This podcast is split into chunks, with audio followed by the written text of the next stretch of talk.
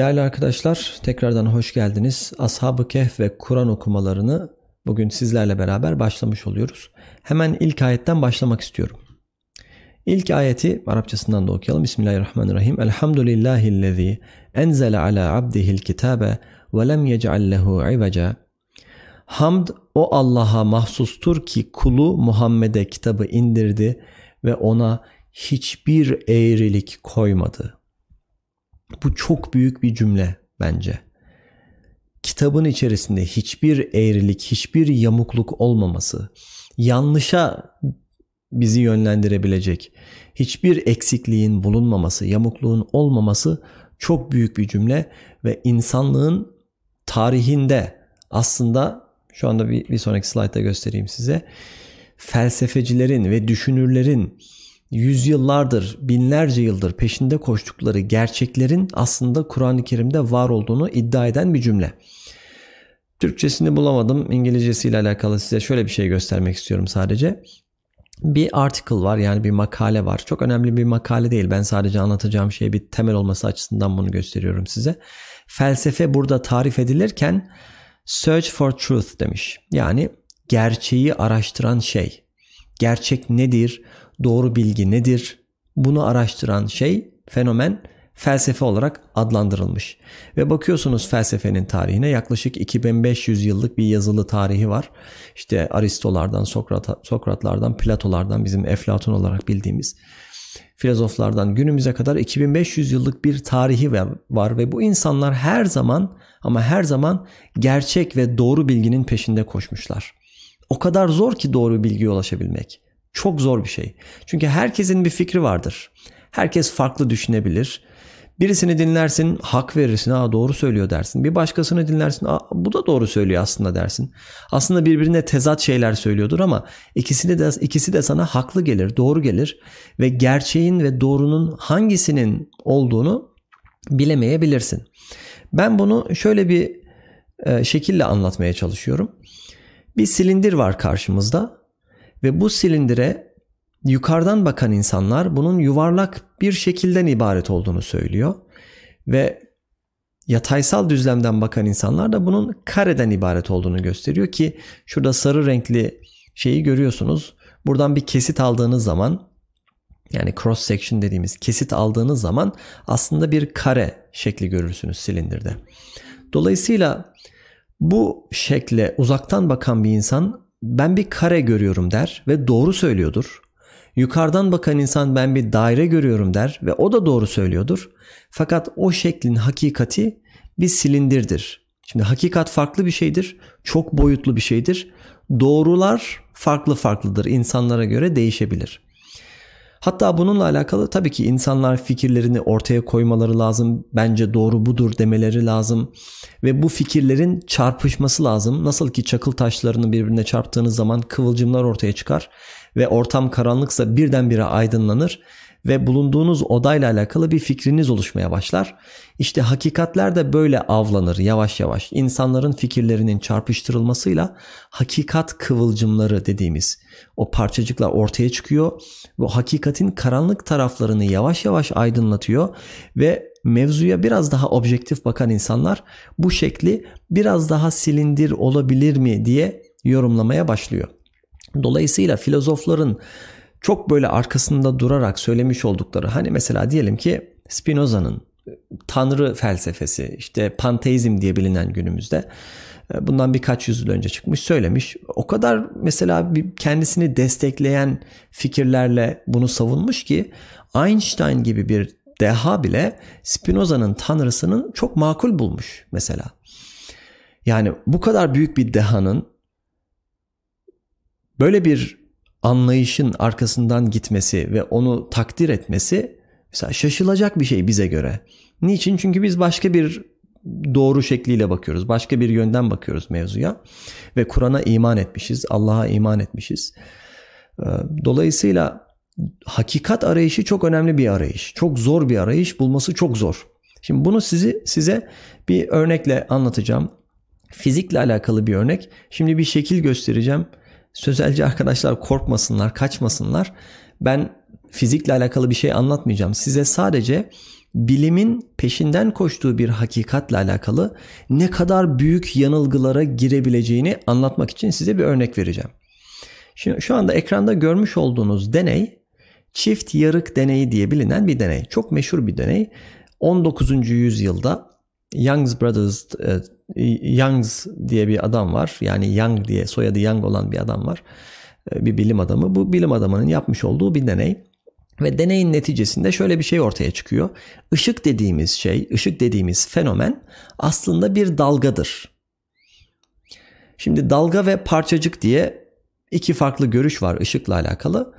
Bunun bir dalga olduğunu söylüyor ve sebebini de açıklarken ben böyle bir deney yaptım ve bu ışık parçacıkları aynen dalgaların e, davran, davranması gerektiği gibi davrandı ve buna bir dalga diyor. Ve bu deney tekrarlanabilir bir deney. O, o yüzyıl boyunca yani o yüzyıl boyunca ışığın dalga olduğuyla alakalı o kadar çok delil toplanmış, o kadar çok delil toplanmış ki artık şu anda dünyanın yuvarlak olması gibi işte suyun deniz seviyesindeki donma derecesinin sıfır derece olması gibi yani bilimle alakalı kesinlik ifade eden aklınıza ne geliyorsa ışığın dalga olmasıyla alakalı bu kadar kesin bir görüş ortaya atılmıştı.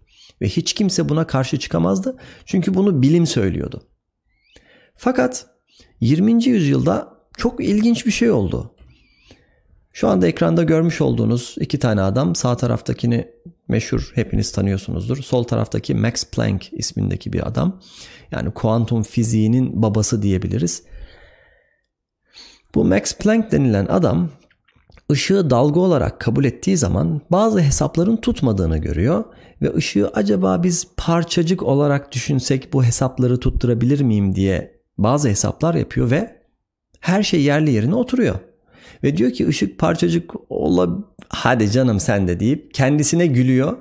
Böyle bir şey olamaz çünkü 100 yıldır bunun delilleri toplanıyor.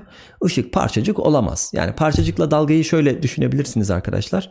Mesela bir futbol stadyumunda Meksika dalgası yapan insanları düşünün. Herkes kendi bulunduğu yerde ayağa kalkar ama o dalga ilerler. Yani insanların kendisi ilerlemiyor ama insanların enerjisi aktarılıyor. Neyle aktarılıyor? İnsanların yukarı aşağı hareket etmesiyle aktarılıyor.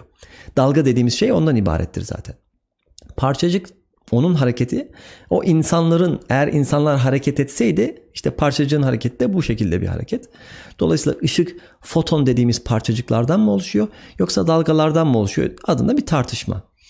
Max Planck bunun parçacık olabilir mi acaba deyip kendisine güldü ve bundan yaklaşık 15 yıl sonra hiçbir şekilde hiçbir hesabın tutmaması neticesinde Einstein ortaya çıktı ve dedi ki arkadaşlar Planck 15 yıl önce böyle bir şey demişti. Kendisi dahil hepimiz gülmüştük ama bence adam haklıydı. Ve yapmış olduğu bazı deneyler, bazı çalışmalar neticesinde ışığın parçacık olarak hareket ettiğini de ispatlamış oldu bilim dünyası ve kuantum fiziği denilen bir şey başladı, bir bilim başladı yani.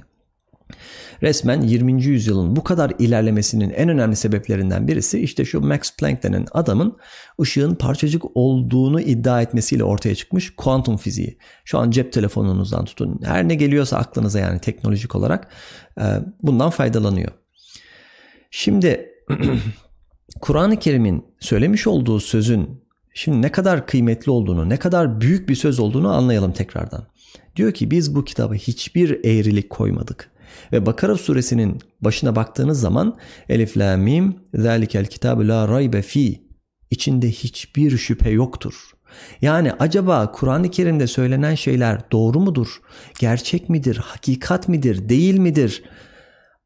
E, seni yaratan, bu kainatı yaratan, dünyayı yaratan Rab'den daha iyi bilecek, bu sistemi daha iyi tanıyacak, neyin doğru, neyin yanlış olduğunu daha iyi tanımlayabilecek bir zat olabilir mi?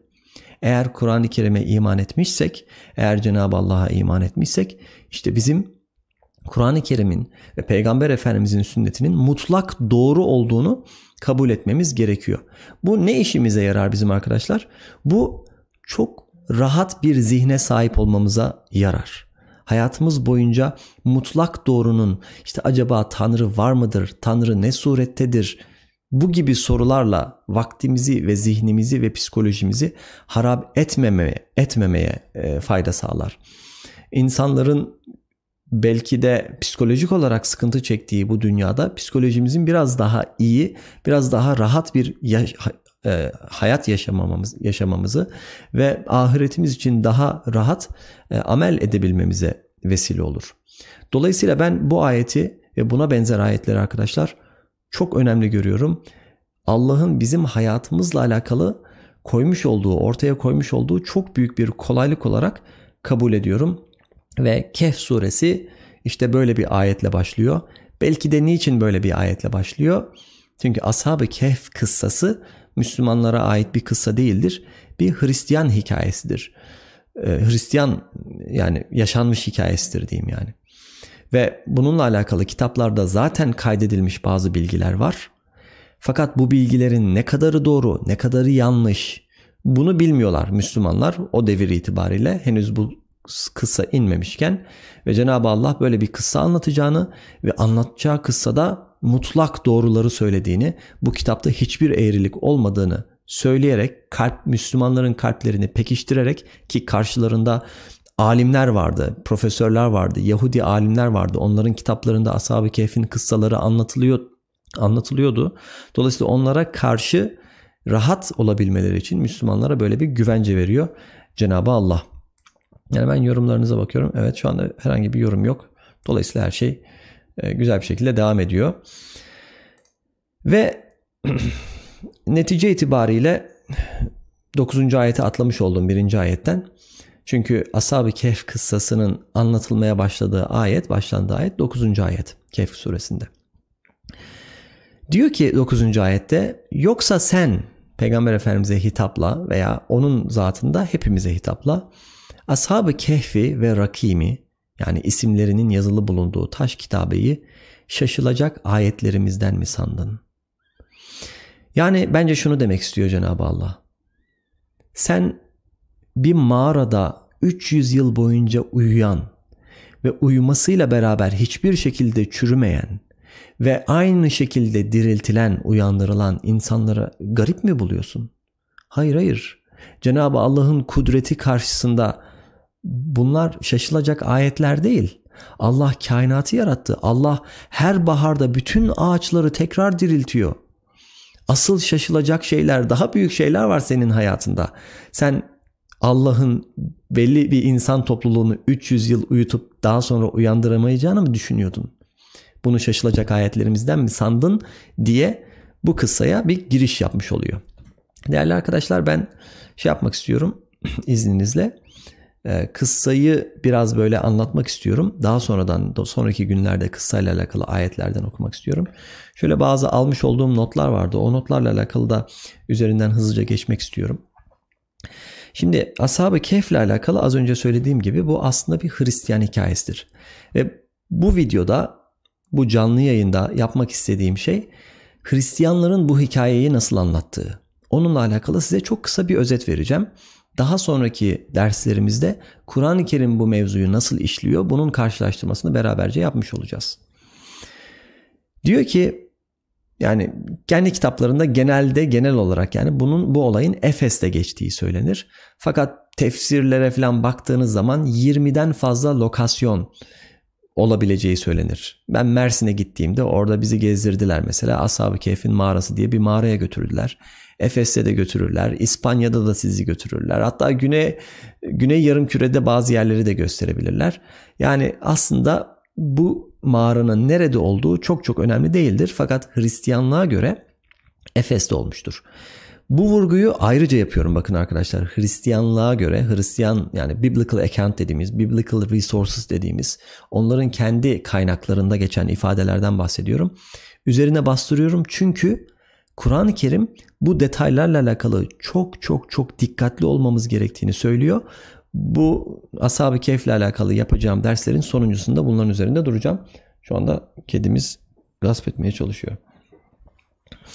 Evet. Dolayısıyla biz bunları dinlerken hep bilelim kafamızın bir köşesinde bunlar doğru olmayabilir. Çünkü bunlar farklı kaynaklardan gelen bilgiler diye düşünün. Efes'te oluyor ve Ashab-ı Kehf 300 yıl mağarada kaldıktan sonra 448 yılında uyandırıldıklarını ve insanların onları 450'li yıllar 448 yılında bulduğundan bahsedebiliriz. Orada yani Efes'in kralı şehrin ortasında bir put yapıyor ve insanların bu puta tapmasını istiyor. Ve bu, bu, bu put e, Zeus'un altındaki bazı ufak tanrı, tanrılardan birisini temsil eden bir put. Ve o şehirdeki herkes bu puta ibadet etmeye başlıyor. Niye ibadet ediyorlar? Çünkü kral öyle emretti. Peki o şehrin içerisinde samimi Hristiyan olan insanlar yok muydu? Allah'tan başka başkasına ibadet edileceğini, e, edilmeyeceğini bilmeyen, bilen insanlar yok muydu? Vardı, elbette vardı. Fakat onlar da yine İngilizce ifadesiyle politically correct olmak için.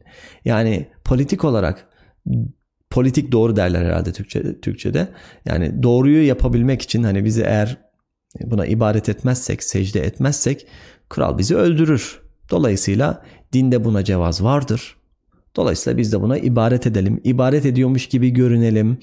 Yani canımızdan olmayalım. Ne gerek var canım düşüncesiyle bütün insanlar bu puta ibadet ediyorlar.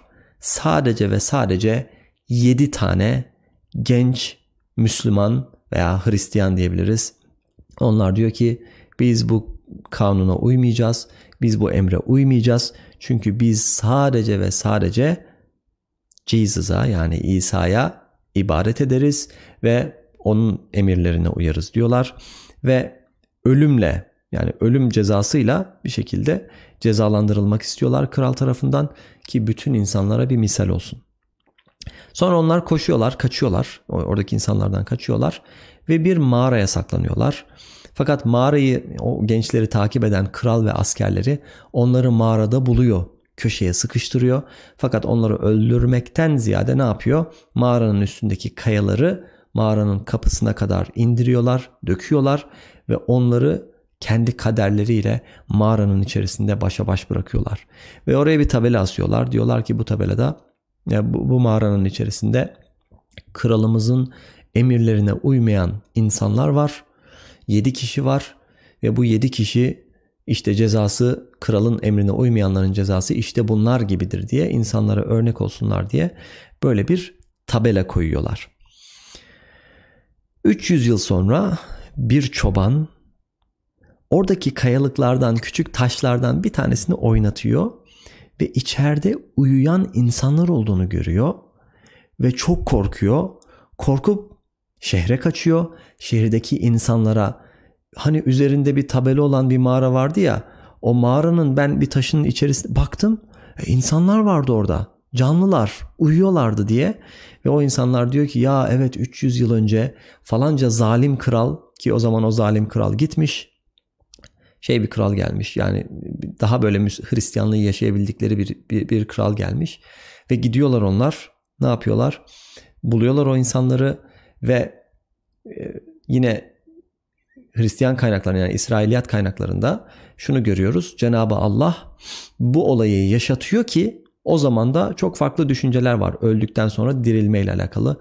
Acaba öldükten sonra bir hayat var mı, yok mu? Bununla alakalı insanlar tartışıyor. Belki işte oradaki papazlarla bir şekilde tartışma içerisine giriyorlar.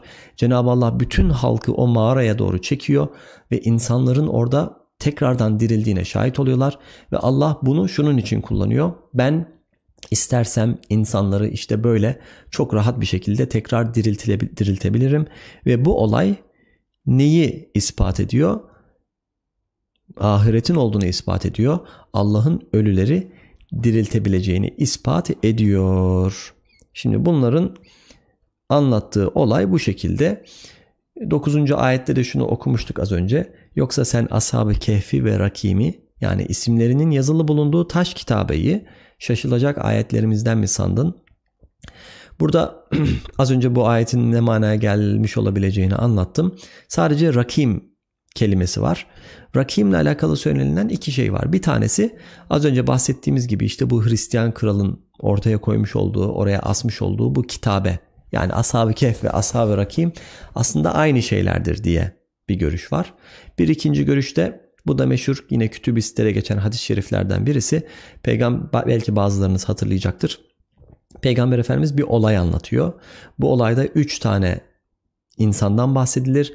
Bu üç tane insan bir dağda bir mağaranın içerisindeyken mağara büyük bir taşla birkaç tane büyük kuvvetli kayayla kapatılmıştır ve onlar dışarı çıkamayacaklardır. Fakat bu insanlar bir yol bulmaya çalışıyorlar. Yolları da şu şekilde.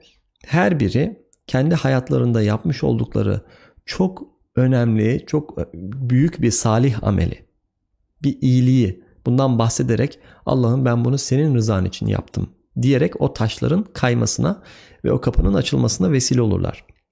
Bir tanesi annesiyle babasına yaptığı yardımdan bahseder. Bir tanesi bir akrabası e, kadınla yani kadının kendisine muhtaç olması ve ondan faydalanmak istemesi, bu ihtiyacı gözeterek faydalanmak istemesi. Fakat tam o iş olacakken kadının Allah'tan kork deyip o adamın geri çekilmesi. Yani bu da mağaranın önündeki kayalardan bir tanesini oynatıyor yerinden. Ve üçüncü kişi de ticaretle alakalı bir arkadaşım vardı diyor veya birisi vardı benim için çalışan. Bir koyunu vardı bende gelip almadı. Fakat ben o koyunu besledim, büyüttüm. Hatta onun yavruları oldu, onların yavruları oldu, onların yavruları oldu.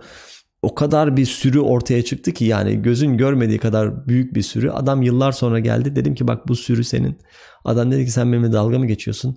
Hayır dedi ben senin koyununu aldım. Bir şekilde bunlar büyüdüler. Bunların hepsi senin diye o adama bütün o malları veriyor. Rabbim ben bunu senin rızan için yaptım diyor ve o kaya o kapıdan açılıyor ve o insanlar çıkabiliyorlar. Peygamber Efendimizin anlattığı bir olay. Bu da ashab-ı rakim diyorlar buna. Yani olabilir diyorlar. Dolayısıyla bu iki olay da çok mucizevi olay. Yani Ashab-ı Kehf ve Ashab-ı Rakim bir tanesinde 300 yıl mağarada kalma olayı. Diğerinde mağaranın ucundaki önündeki taşların yuvarlanması meselesi. Bunları şaşılacak şeylerden sayma. Çünkü Cenab-ı Allah için bunlar şaşılacak şeyler değildir. Sen şöyle bir çevir gözünü bir bak kainata, hayata aslında şaşılacak çok şey bulursun diyor zannımca. Evet arkadaşlar böyle kısaca bir giriş yapmış olduk. Daha da fazla uzatmaya gerek yok. Allah'a emanet olun. Hayırlı Ramazanlar, hayırlı iftarlar. Sağlıcakla kalın ve selam arkadaşlar.